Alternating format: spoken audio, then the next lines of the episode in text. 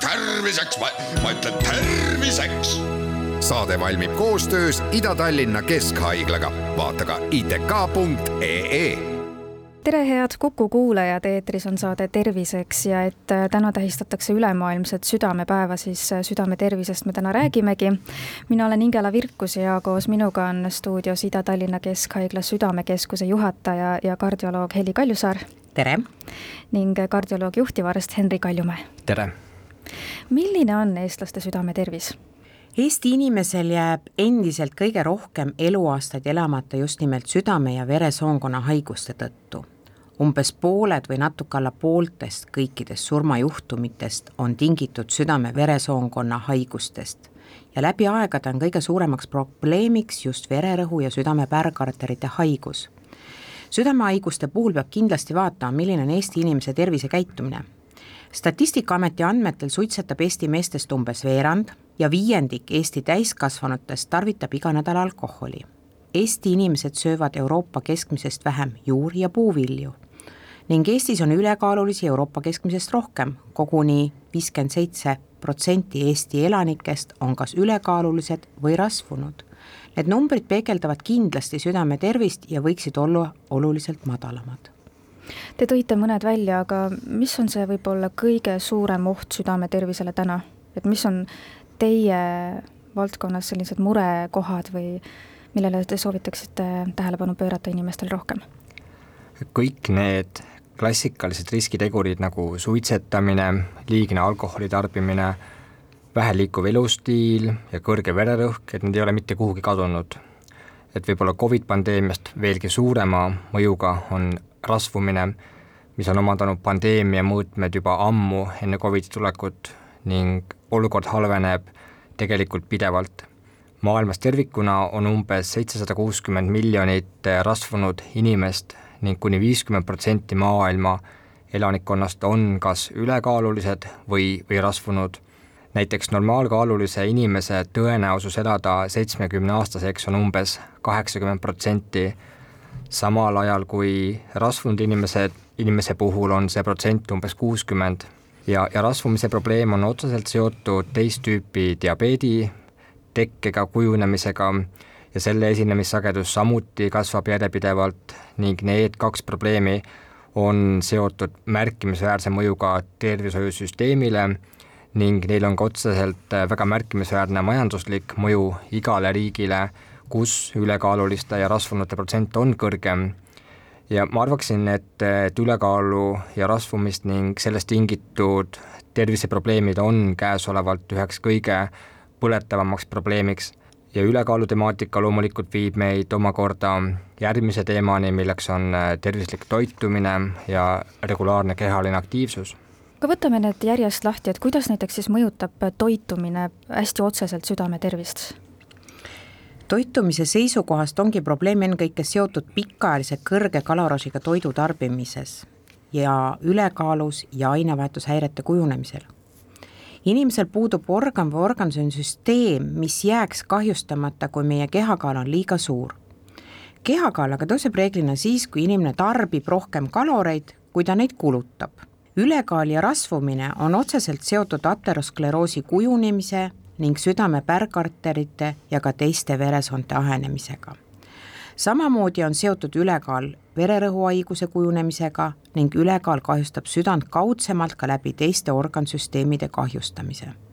ülekaalulistel inimestel on oluliselt kõrgem südame-ajuinfarkti risk ning neil esineb rohkem hüpertensiooni, mis kahjustab kõiki veresooni meie kehas nii praktika kui uuringute järgi kipuvad ülekaalulised inimesed märkimisväärselt alahindama oma päevast tarbitud kaloraaži, ehk nad ütlevad meile, et ma ei söögi midagi.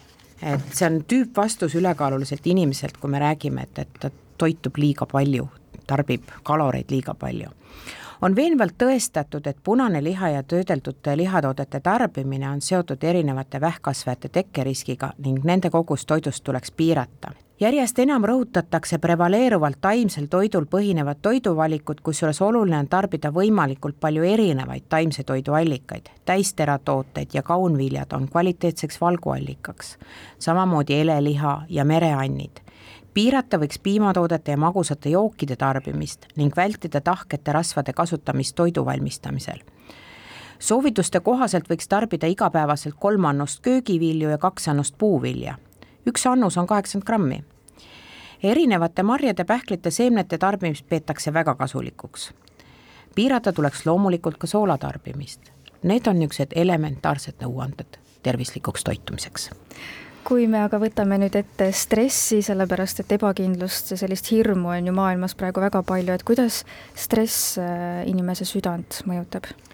no tagasihoidlik, äh, isegi kuni mõõdukas stress võib olla normaalne ja, ja teatud situatsioonides aitab see meil end äh, mobiliseerida, kuid liigset stressi võib kindlasti seostada mitmete südameprobleemidega, et me teame, et tugev pikaajaline stress võib olla seotud vererõhu tõusuga, ja see omakorda võib pikas plaanis soodustada südame- või ajuinfarkti kujunemist, on teada, et äh, tugeva stressi korral hakkavad inimesed tõenäolisemalt suitsetama, söövad rohkem, kui nad peaksid ja liiguvad vähem, stress võib tekitada uneprobleeme, põhjustada ebakvaliteetset und, mida omakorda samuti on võimalik seostada mitmete südameprobleemidega ja samamoodi on leitud seoseid mitmete rütmihäirete ja stressi vahel.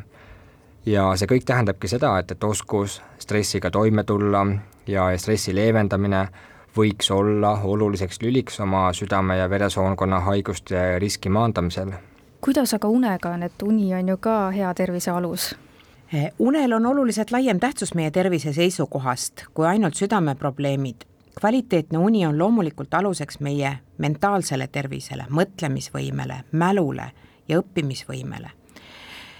on leitud, et ebapiisav ööuni on seotud otseselt hüpertensiooni ja südame-veresoonte haiguste kujunemisega.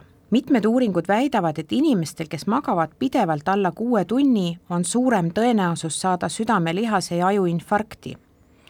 inimesed, kes magavad öösiti pidevalt alla kuue-seitsme tunni tarbivad ööpäeva lõikes oluliselt rohkem kaloreid. varem arvati, et need inimesed, kes vähe magavad, on lihtsalt aega rohkem süüa. aga kirjanduse andmetel tegelikult põhjustab unepuudus kõrvalekalded meie ajukeskustes ja need vastutavad näljatunde ja täiskõhutunde tekkimise eest. see omakorda on aga aluseks ülekaalulise kujunemisele ja sellest põhjustavatele arv arvukatele probleemidele. ehk siis kõik on ikkagi väga tihedalt omavahel seotud? Otse loomulikult kuidas liikumisega on, et kui palju peaks päevas inimene liikuma, et äh, ennetada selliseid südameprobleeme? no regulaarne kehaline aktiivsus on äh, kahtlemata üks kõige võimsamaid äh, riski maandamise võimalusi. väga veenvalt on näidatud, et nendel inimestel, kes regulaarselt vabal ajal liiguvad, on oluliselt vähem südame- ja veresoonkonna haigustest ja ka vähkkasvajatest tingitud surmasid ning regulaarne aktiivsus on samal ajal seotud loomulikult ka meie vaimse heaoluga, lisaks sellele, et regulaarsel liikumisel on väga otsene kasulik mõju meie südamele ja veresoonkonnale, aitab äh, kindlasti regulaarne liikumine säilitada ka normaalset kehakaalu ja ära hoida mitmeid sellest tulenevaid terviseprobleeme ja kui rääkida siis sellest, et äh, kuidas ikkagi südant trennidega treenida võiks, siis eh, meie kõik, sõltumata sellest, kui vanad me oleme, peaksime saama igal nädalal vähemalt sada viiskümmend minutit mõõdukat kehalist aktiivsust, see tähendab näiteks viis korda pool tundi mõõdukat koormust nädalas või siis seitsekümmend viis minutit tugevat füüsilist koormust nädalas minimaalselt. Lisaks sellele peaksime nädalas vähemalt kahel korral treenima kõiki suuremaid lihasgruppe ühes äh, hiljuti avaldatud suures metaanalüüsis leiti, et need inimesed, kes suudavad kuni neli korda ületada seda miinimumsoovitust nädalas, et nemad saavad kõige suurema kasuteguri liikumisest. ja teada on loomulikult ka see, et, et soovitustest väiksem kehaline koormus, kehaline aktiivsus samamoodi aitab riski maandada. Ja, ja loomulikult äh, nagu mainitud, et see kehaline aktiivsus regulaarsel kujul on seotud meie mentaalse tervisega ning uuringud on väga veenvalt näidanud seda, et regulaarne kehaline aktiivsus aitab hilisemas elus vähendada Alžeimeri tõve esinemissagedust. Ja, ja loomulikult on alati alustada liikumisel vaikselt, koormuseid järk-järgult suurendades ning tuleb kindlasti osata õppida kuulama oma keha, et mitte üle pingutada ja tuleb osata aru saada, millal võtta rahulikult, on leitud, et tegelikult ka ülisuured treeningmahud, üle kümne tunni nädalas on tõenäoliselt ohutud, kui inimesed suudavad selliseid treeningmahtusid pikka aega äh, harrastada, et just nimelt need inimesed, kes sporaadiliselt või episoodiliselt treenivad suurte mahtudega, et pigem on see ohtlik just nimelt neile ja, ja loomulikult äh, ikkagi ennekõike tuleks siis vältida sellist äh, mööduvate tsükliliste suurte mahtudega treenimist. Ehk et kui ma ei ole teinud kunagi trenni, ei ole jooksnud, siis äh, nii ei tohiks, et ma nüüd kohe hakkan maratoni jooksma, et kuidas selline järsku millegi aktiivsega alustamine südamele mõjuda võib, et mulle tundub, et tihtipeale ikka seda tehakse, et äh, eriti vastu suve, et nüüd ma hakkan jooksmas käima ja ootan kohe endalt väga palju. võib öelda, et õnneks meie kehad on targad ja treenimata inimese keha seab kohe endale ise piirid. et see tähendab, et, ähm, et treenimata inimene ei olegi võimeline homme alustama hoobilt ülisuurte treeningmahtudega. selleks, et see võimalik olevat, peab meie luud, lihased, liigesed, süda, veresooned, kopsud harjuma esmalt väiksemate koormustega ja sellega kohanema et kui on inimesel soov üleöö intensiivselt mahuka treeninguga alustada, võib hoopis tegelikult põhjustada suurt kahju kui me räägime noorest inimesest ja kellel on üldiselt tervis korras, siis tõenäoliselt südame ja veresoonkond peaks sellisele ootamatusele suurele treeningmahule küll vastu. Ja enne tekib pigem probleeme ilmselt tugi- ja liikumissüsteemiga, mis tähendab seda, et, et tegelikult hakkavad tundma andma liigesed, lihased, kõõlused ja eh, see annab märk, et on mindud üle piiri aga kui tegemist on keskealiste või vanemate inimestega, kellel juba on võib-olla eelnevalt olemas südame veresoonkonna haigus, mida ta ei ole nagu märganud, neid sümptomeid, ja näiteks mõõdukad ahenemised südame-veresoontes ja kui siis inimene on seniselt rahulikku elustiili harrastanud ja nüüd ühe hetkega hakkab ähm, väga suure koormusega treenima, siis on tegelikult ka oht äh, südamerütmi, eluohtlike lausa rütmihäirete tekkimisele ja ka infarkti saamisele me jätkame oma vestlust juba homme kell neliteist nelikümmend viis.